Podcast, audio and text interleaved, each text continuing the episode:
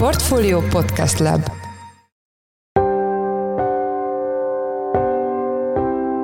Mindenkit üdvözlünk, sziasztok! Ez a Checklist a Portfolio podcastje január 16-án kedden. A műsor első részében arról lesz szó, hogy komoly fordulat jöhet az amerikai piacokon márciusban, ugyanis kifulladhat a mesterséges intelligencia árfolyam emelő hatása, amely egyébként 2023-at meghatározta egy végső stádiumú bika piacon, ami szerintem most van, egy utolsó kihúzásban sokszor elveszik a józanész, sokszor vannak olyan aspektusok, hogy már szuper szelektívvé válik a piac, és csak a részvények egy körét emelik ki. Ez volt 72 végén a Nifty 50, a törhetetlen 50 története, és ez volt a 2000-es évnek az elején a technológiai buboréknak az utolsó két és fél hónapja. Ott is több korábban komolyan vezető papír úgy lemaradt már, mint most az Apple és a Tesla. Vendégünk Jónap Rihárd, a Concord részvénypiaci stratégája.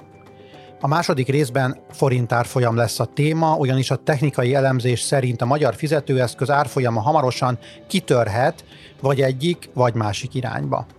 A témáról Weinhard Attilát, a portfólió makroelemzőjét kérdezzük. Én Szász Péter vagyok, a Portfólió podcast szerkesztője, ez pedig a checklist január 16-án. Bár még csak két hét telt el ebből az évből, az alapján, amit eddig láttunk a globális részvénypiacon, kirajzolódhat egy olyan forgatókönyv, amelyhez hasonlót már láttunk az elmúlt szűk 25 évben, de nem sokszor.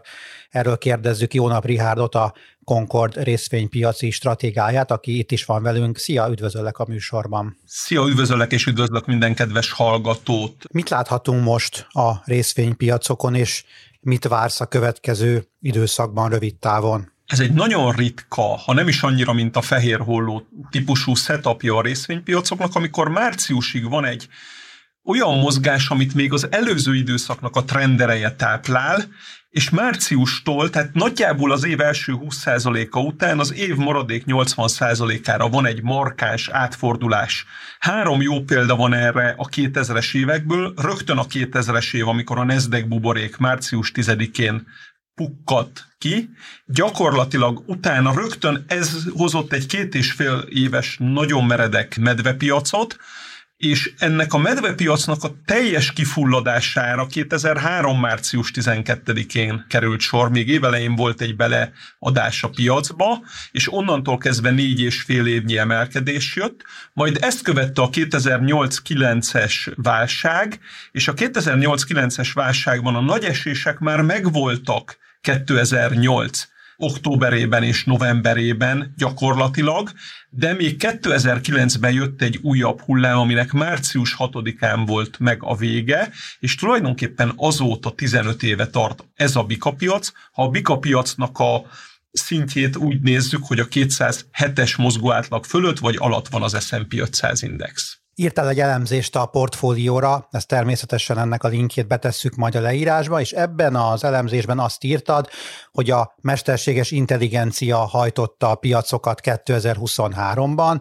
és ezt lehet még látni 2024-ben is. Szerinted ez a hype, amit a mesterséges intelligencia okozott, ez kifulladhat már idén? A tőzsdei része nagyon könnyen kifulladhat, teljesen hasonló módon a 2000-es év elejének az internetes és a dotcom korszakának a tőzsdei kifulladásához, Ugye úgy is ki tud fulladni egy mánia, hogy nagyon hirtelen nagyon sokat várnak az adott területtől a befektetők, emiatt a csillagos égbe felhajtják a részvényeknek az árfolyamait, és az az adott találmány, vagy az az adott újdonság, vagy a technológiának az az adott újfajta kibontakozása, az csak évekkel később érkezik meg monetizálható módon az életünkbe. Tehát simán és nagyon benne van az idei évben az, hogy lesz egy extrém kihúzás még egyes papírjukba. Itt az első számú példa, amit meg kell említeni, az Nvidia, ami már 10-11 százalékos pluszban van az idei évben nagyjából plusz nullába lévő S&P 500 és Nasdaq 100 index mellett, de tök érdekes módon becsatlakozóban van hozzá a Meta Platforms is a maga idei plusz 6 százalékával, viszont ami már most nagyon-nagyon érdekes, hogy a Kína kapcsoltnak tekintett, vagy bizonyos befektetői szempontból ugye valahol egy amerikai-kínai vegyes vállalatnak tekintett Apple és Tesla nagyon-nagyon gyenge. Az Apple 3,5, a Tesla 12%-os mínuszban van az év első kilenc kereskedési napján. Tehát látunk már bizonyos papírokban kifulladási jeleket, és ami nagyon érdekes, hogy egy végső stádiumú bika piacon, ami szerintem most van, egy utolsó kihúzásban sokszor elveszik a józanész, sokszor vannak olyan aspektusok, hogy már szuper szelektívé válik a piac, és csak a részvények egy körét emelik ki. Ez volt 72 végén a Nifty 50, a törhetetlen 50-ek története, és ez volt a 2000-es évnek az elején a technológiai buboréknak az utolsó két és fél hónapja. Ott is több korábban komolyan vezető papír úgy lemaradt már, mint most az Apple és a Tesla. Említetted, hogy jöhet márciusban egy fordulat. Milyen tényezők együttállása szükséges ahhoz, hogy ez a tavaszi vagy márciusi fordulat valóban eljöjjön 2024-ben? Van egy érdekes bázis hatása az inflációs lefutásnak. Tavaly januárban és februárban a hóperhó értékek relatíve magasak, 0,4 és 0,5 volt az Egyesült Államokban. Valamilyen érdekes alakulás folytán most egy picivel kisebb értékek lennének, akkor ugye a befektetői bizalom, a befektetői hit abba, hogy a Fed csökkent már kamatot, akár márciusban, vagy az a befektetői hit, hogy idén lehet komoly kamatcsökkentés, az megmaradhat. Akár még egy icipicikét erősödhet is, és nagyon-nagyon szeretném hangsúlyozni, hogy teljesen mindegy, hogy a végén mi lesz, hogy a Fed mit fog csinálni. Tehát ha szigorúan a következő két hónapban gondolkozunk, akkor a befektetőknek a percepciója és a hite sok mindent tud mozgatni ugye a Fednek a monetáris pályájával kapcsolatban, még ha köszönő viszonyban nem lesz a valósággal, amit a Fed ugye később csinálni fog. Nagyon könnyen jöhet utána viszont szerintem csalódás az inflációs számokban is, illetve a vállalati eredményszámokban is, de szerintem ami egy márciusi fordulatot, vagy, vagy az évnek a hátralévő részében akár nagyon cudar időszakot is tud hozni, azt én magamban úgy fogalmazom meg, hogy Amerika bekóstolása. Tehát minthogyha a 24-es évben egyre inkább kezdene látszani az elnökválasztás kapcsán és az elnökválasztást megelőző időszakra vonatkozóan Amerika világhatalmi szerepében egyfajta ilyen szüneteltetés. És ha a belpolitikai problémák is egyszerre jönnek elő, illetve Amerikának a különböző ellenségei megérzik ezt a, ezt a fajta relatív gyengeségét az amerikai hatalomnak, akkor geopolitikailag sajnos ez lehet egy igen-igen turbulens időszak. És ugye a másik turbulencia oka pedig az lehet, hogy azért az elmúlt 30-40 év globalizációja és technológiai kibontakozása pont az Egyesült Államokban is több tízmillió korábban nagyon erős, pláne a világhoz képest anyagi pozícióval rendelkező középosztálybeli polgárt relatíve az útszélén hagyott. És ez a feszültség, tehát az amerikai belpolitikai feszültség, illetve az amerikai belső elnökválasztásra koncentrálást megérző ellenségek, potenciális ellenségeknek a, a szerepvállalása hozhat egy olyan állapotot és egy olyan helyzetet, ami turbulensé teheti tőzsdei szempontból is a 2024-nek a 70-75 százalékát. Nem kérlek arra, hogy jósolj, de a kérdésem, hogy valamiféle arányszámot vagy esélyeket tudsz-e mondani arra, hogy mondjuk a korábbi évekkel szemben mennyivel nagyobb esélye van annak, hogy 2024-ben ez a márciusi fordulat bekövetkezik? Egy ilyen márciusi fordulat, mivel nagy trendfordulót takar, nyilvánvalóan alapvetően egy átlagos évben ennek 5-6-7-8 százaléknyi esélye van. Szerintem idén ennek egy 25-30 százalékos esélyű forgatókönyvet kell adni, tehát gyakorlatilag egy ilyen beforduló évnek az esélye szerintem azért is nagyon szignifikáns. Akkor szoktak befordulni az évek, amikor nagyon erős a trenderő előttük. Ez nagyon erős volt, mert 2009 óta 15 éve tart a bikapiac. Gyakorlatilag a mesterséges intelligenciás bikapiac szakasz az tart egy éve nagyjából. És tavaly október 27-én volt egy fordulat, amit kilenc emelkedő héttel zárta le az amerikai részvénypiac ugye a 2023-as évet, és az idei első eladói hét után a második az visszahozta a mínuszokat az S&P 500-ban és a Nasdaq 100 indexben.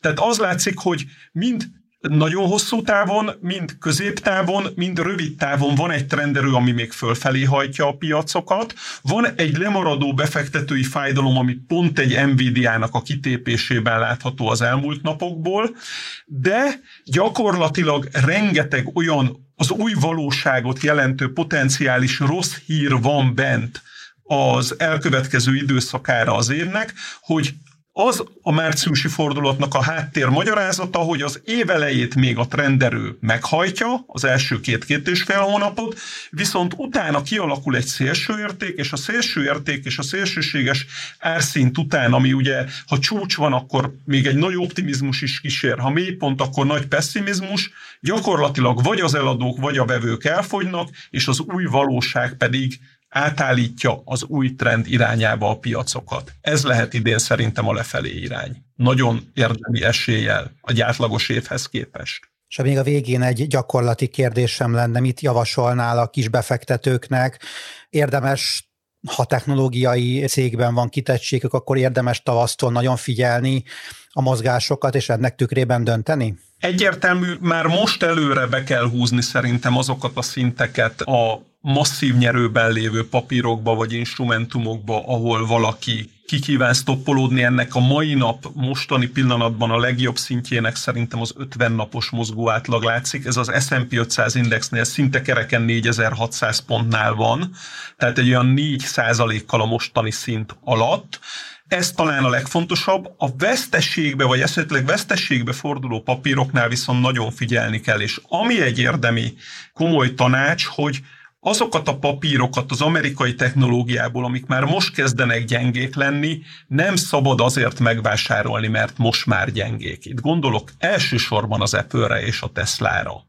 Tehát amik nem tudnak erőt mutatni, azok okkal gyengék már most, és ilyenkor lehet gyakorlatilag beragadni bizonyos instrumentumokba hosszú időre. Értem, nagyon szépen köszönöm. Jó nap, Rihárd, a Concord részvénypiaci stratégájával beszélgettünk. Nagyon szépen köszönjük, hogy a rendelkezésünkre álltál. Köszönöm szépen én is. Viszonylagos nyugalom van a devizapiacon, a forint a dollárral, illetve az euróval szemben is nagyjából azon a szinten mozog most, mint tavaly novemberben. Ez azonban változhat, ha a technikai elemzést nézzük, akkor annak a szabályai alapján nagy mozgás jöhet, a forint kitörhet akár az erősödés, akár pedig a gyengülés irányába is. Itt van velünk Venyhard Attila, a portfólió makroelemzője. Szia, üdvözöllek a műsorban. Szerbusz Péter, és köszöntöm a hallgatókat is. Hogy mozgott a forint az euróval és a dollárral szemben az elmúlt pár hónapban. Ugye ezt én is mondtam, hogy nagyjából sem de azért gondolom valamiféle mozgás volt. Igen, volt, de ez egy tompa mozgásnak nevezhető a megelőző időszak, akár egy-két évnek a vadabb mozgásához képest. Néhány egységnyi gyengülés, majd erősödés az, amely az elmúlt heteket jellemezte. Ez az euróval szemben nagyjából a 380-as szint környékén alakult ki, a dollárral szemben pedig inkább a 345 körüli zónában. És hogyha egy kicsit kitágítjuk a képet, és ráteszünk a, a forint euróval, illetve forint dollárral szembeni grafikonjára trendvonalakat, akkor valamilyen szinten azt is megértjük, hogy ez miért lehetett így. Mégpedig a, a lényeg az az, hogy vannak olyan trendvonalak, amelyek gyakorlatilag befékezték, bekorlátozták a forintnak a nagyobb kilengését, és hogyha két ilyen főbb, akár egy-két éve tartó trendvonalat ráhúzunk a grafikonokra, akkor az rajzolódik ki, hogy mindkét árfolyam esetén egy háromszögben halad az árfolyam, és ennek a háromszögnek majdnem a csúcsa környékén vagyunk. Ez azt jelenti, hogy már nagyon-nagyon szűk az a tér, amin belül tud mozogni a forint az euróval és a dollárral szemben. Ez néhány egységet jelent már csak, egészen odáig, hogy arról beszélhessünk, hogy ebből a háromszögből kitört az árfolyam valamelyik irányba. És igazából ebben a keddi elemzésben erre hívtam fel a figyelmet, hogy nem véletlen, hogy ilyen szinten tompává vált a forint euróval és a dollárral szembeni árfolyamának a kilengése. Ezek a trendvonalak egy jelentősen bekorlátozzák a, a kilengéseket. Persze azt is érdemes megjegyezni, hogy azért például a legfontosabb devizapár az eurodollárnál is az utóbbi hetekben egy szokatlanul kis mozgás látszik. Jó formán oldal az a legfontosabb devizakereszt, és nyilván ez azért visszahat arra, hogy mit látunk a forint euróval és dollárral szembeni árfolyamában. Tehát ebben az elemzésben egyrészt arra hívtam fel a figyelmet, hogy most ez egy látszólagos nyugalom, és ennek azért vannak technikai okai, de vannak fundamentális okai is, amelyek ezt a lényegében oldalazó mozgást és a kisebb kilengéseket magyarázzák. Igazából itt arról van szó, hogy a forint erősödése és a gyengülése irányába ható erők nagyjából kiegyenlítik egymást, ez az összefeszülés pedig igazából egy ilyen oldalazó mozgásban ölt testet. Mik azok a főbb tényezők, amelyek eddig az elmúlt hetekben inkább az erősödés irányába való mozgás felé támogatták az árfolyamot. Az egyik az ilyen nyilván, hogy még mindig azért összességében magas a magyar jegybanki kamatkörnyezet, és ha ezt nemzetközi befektetők nézik, akkor azért azt még mindig kifejezetten vonzó a most éppen 10,75 százalékon álló alapkamat. Igaz, ezt az elmúlt hónapokban 75 bázispontosával vagdosta az MNB, de ez összességében még táplálta a forint erejét, vagy pontosabban segített abban, hogy ne gyengüljön. Azt is a forint melletti érvként lehet feljegyezni, hogy főleg a most a legutolsó havi külkereskedelmi mérleg egyenlegünk brutális mértékű javulást mutat, ez jó részt egyébként az energiaszámlánknak a, a, az olvadása okozza, hiszen sokkal alacsonyabb az áram és a gázár, ami az importon keresztül 2022-ben nagyon jelentősen rontotta az egyenleget, majd ugye azóta az árak nominális jelentős esése miatt ez a deficit ez masszív többletbe csapott át. Most csak a legutolsó havi adat az 1,6 milliárd eurós külkereskedelmi mérleg többletet jelentett.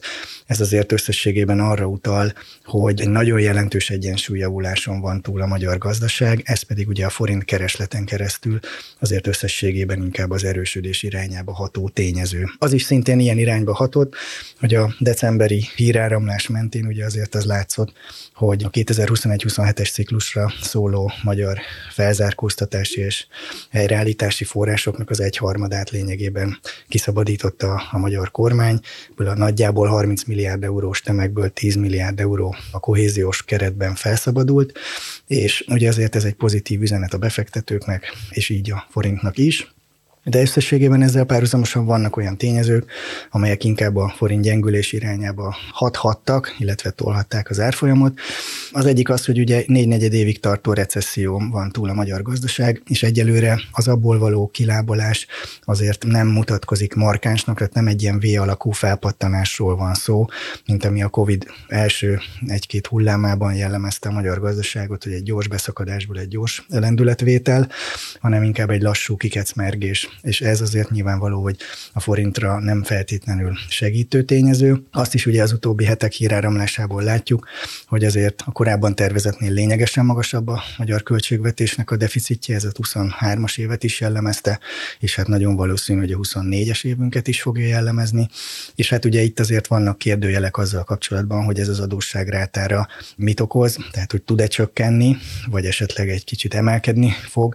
Ez ugye nyilvánvaló befektetői szempontból ez egy, egy bizonytalanító tényező, ahogy hitelminősítői szempontból is, és hát ugye, ahogy említettem, azért még mindig maradtak viták az Európai Bizottsággal, hiszen a források kétharmada még mindig blokkolva van, és ezek, illetve a február 1 rendkívüli EU csúcsal kapcsolatos készülődés, az ukrajnai támogatási programra gondolok, amelyben eddig külön magatartást tanúsított a magyar kormány, ezek is lehettek elbizonytalanító tényezők, amelyek inkább azért a forintnak a gyengülési irányba hatottak, de hogy említettem, összességében ezek a tényezők egyelőre lényegében kioltották egymást. Milyen árfolyamokkal számolhatunk egyik vagy másik esetben, és ez várhatóan mikor jöhet el? Igen, az elemzésben néhány olyan tényezőt szedtem össze, ami a következő hetekben kiemelt jelentőségű lehet, és akár lehet egyfajta kiváltó tényező, egy trigger az árfolyamra ahhoz, hogy ebből az említett háromszögből valamelyik irányba kitörjön, hiszen ugye említettem, a háromszögnek a csúcsa környékén kereskednek most a mindkét devizapárban,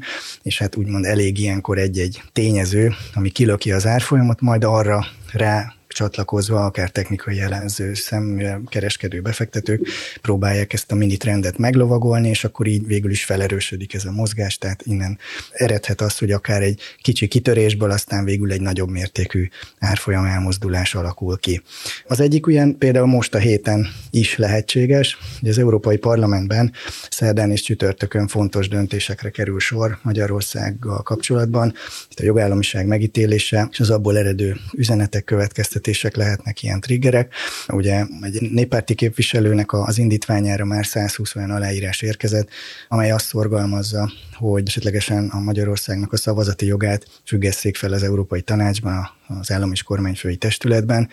Így tehát azért ezekre, ezekre az ügyekre fontos figyelni, illetve hogy a hetes cikk szerinti jogállamisági eljárásban lépjenek tovább a tagállamok. Ugye itt gyakorlatilag hat éve egy helyben toporog ez az ügy, a tanácsban nincsen a következő lépésre való továbblépés, ami ugye ajánlások megfogalmazása lenne a magyar kormány felé, hogy mit hogyan korrigáljon. Ez egy lényeges tényező. Fontos hangsúlyozni, hogy az Európai Parlamentnek ebben az ügyben igazán nem osztottak lapot, tehát jogi kötőereje nincs ezeknek a döntéseknek, minden esetre erőteljes nyomásgyakorlási eszköz lehet arra, hogy mi történjen a tanácsban. Erre azért figyelnek a befektetők, hiszen azért ez egy mégiscsak kiemelt jelentőségű ügy, ha esetlegesen idővel eljuthatna odáig a folyamat, hogy a Magyarország szavazati jogával bármi történjen. Nem ez a fő forgatókönyv, én azt mondom, hogy ez egy csekély esélyű történet, de hát ugye figyelni kell.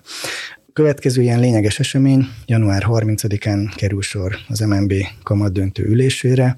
Ugye, ahogy említettem, itt 75 bázispontosával vagdosott az MNB az elmúlt hónapokban, és hát ugye, ha a kiszámíthatóságot szeretné továbbra is sugalni, akkor a várakozások szerint ezzel a tempóval haladna tovább, de itt ugye a legfrissebb inflációs adat, ami múlt héten jött ki, váratlanul alacsony inflációs adatot hozott ki decemberre, és hát így ebből azért lehet olyan várakozás, hogy felbár bátorodik az MNB, és esetleg a 75-nél nagyobb bázispontos kamatvágási tempóra vált, és ez ugye előbb-utóbb azért a forintnak is gyengülési kockázatát növeli, főleg egy bizonytalan külpiaci környezetben, így tehát ez is lehet idővel egy kiváltó tényező, ami ezt a kitörést katalizálhatja. Február 1-én, ahogy említettem, kerül sor a rendkívüli EU csúcsra. Itt ugye két fő téma van, az egyik a 7 éves keretköltségvetés félidei felülvizsgálata, illetve ezzel összefüggésben az, hogy valóban az EU-s költségvetésből nyújtsák-e a tagállamok az Ukrajnának szóló több éves támogatási programot, vagy ne. Itt a magyar kormány a felé tolná folyamatot, hogy ne, de bár volt múlt héten egy olyan jelzés, ami arra utalt egy hivatalos uniós tanácsi anyag, miszerint mégis hajlandó lenne a kompromisszumra. Tehát ez az ügy is lényeges, trigger lehet az árfolyam szempontjából illetve hát a múlt heti pénzügyminisztériumi sajtótájékoztató is ugye azt üzente, hogy azért nincs kőbevésve az idei évi államháztartási hiánycél, bár van egy törvényünk, ami ugye 2,9%-ot ír elő GDP arányosan, de hát ugye ezért, amikor a tavaly évre 6% körüli deficit alakult ki, akkor ebből egy év alatt háromra lefaragni a hiányt azért az egy erőteljes feladat lenne. Nyilván annak jelentős gazdasági fékező következményeivel együtt, már pedig pont ennek az ellenkezőjét jelzi a kormány, hogy egyszerűen növekedni kell és ki kell lábalni ebből a tavalyi évi recessziós környezetből. Tehát itt azért lehet egy olyan jelzés, majd februárra ígérte a pénzügyminisztérium azt, hogy felülvizsgálja az idei évi költségvetési folyamatokat. Tehát, hogyha ebben lehet egy olyan bejelentés, ami esetleg a piacot elbizonytalanítja, akkor ez is lehet egy trigger arra, hogy az árfolyam kilépjen ebből az említett háromszögből. Milyen árfolyamokkal számolhatunk, akár az egyik, akár a másik irányba tör ki a forint? Igen, tehát fontos, hogy a technikai elemzés az nem mondja meg, hogy milyen irány valószínű, hanem ha majd megtörténik a kitörés, akkor a tankönyvi elmélet szerint, akkor abba az irányba történik egy nagyobb mozgás. Tehát, hogyha most a forint euróról beszélünk, és hogyha ott megtörténik ez a kitörés, amennyiben a forint gyengülése irányába történik ez meg, akkor így a grafikonra ránézve messzebbről, mondjuk egy hetes idősíkú grafikonon, az első fontosabb ellenállási zóna az a 395, ha pedig a fölé lépne majd az árfolyamban a nagyobb mozgásban, akkor ugye a 420-as zóna az, amire érdemes lenne figyelni. Ezek ugye azért az a jelenlegi árfolyamtól lényegesen eltérő árfolyamok, de hát, ahogy említettem, a technikai elemzési tankönyv az azért azt mondja, hogy egy ilyen több éve tartó, szűkülő háromszögből való kitörés az nagy mozgással járhat. Amennyiben az erősödés irányába törne ki a forint, akkor ott az első körben a 373 körüli szinttel kellene megbirkóznia, itt húzódik a 207-es mozgó átlag. Ezt az mozgó átlag fölött 6 éve jár az árfolyam, azóta nem volt érdem, tartósan, tehát sok, sok hétig a grafikon vonal alatt.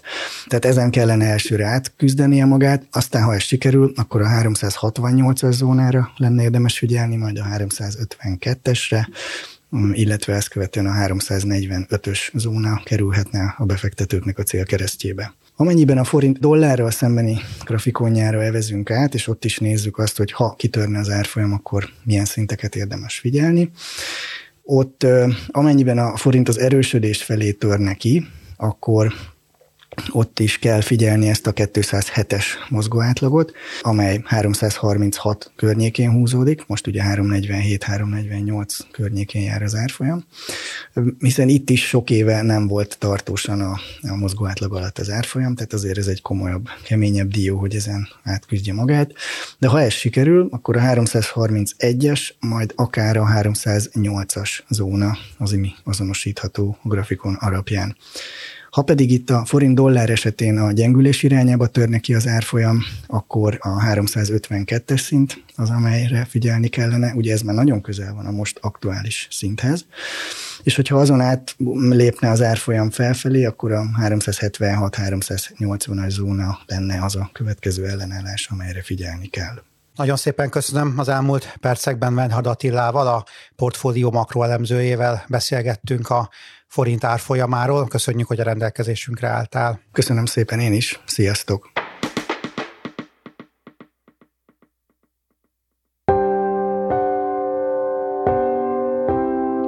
Ez volt már a Checklist, a Portfólió munkanapokon megjelenő podcastje. Ha tetszett a műsor, és még nem tetted volna, iratkozz fel a Portfólió Checklist podcast csatornájára valamelyik nagyobb platformon, például Spotify-on, Apple vagy Google Podcast-en. Ha segítenél nekünk abban, hogy minél több hallgatóhoz eljussunk, akkor értékelj minket azon a platformon, ahol ezt a mai adást is meghallgattad.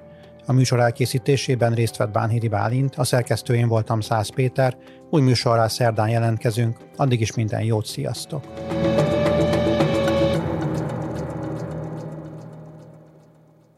Reklám következik.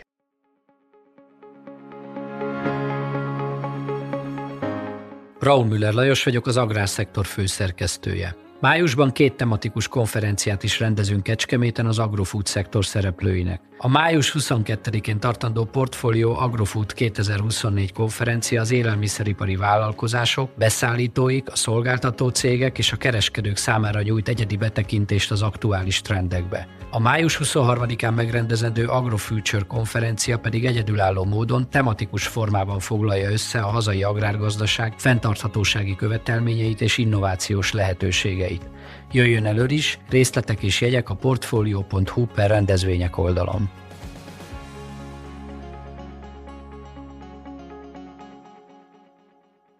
Reklámot hallottak.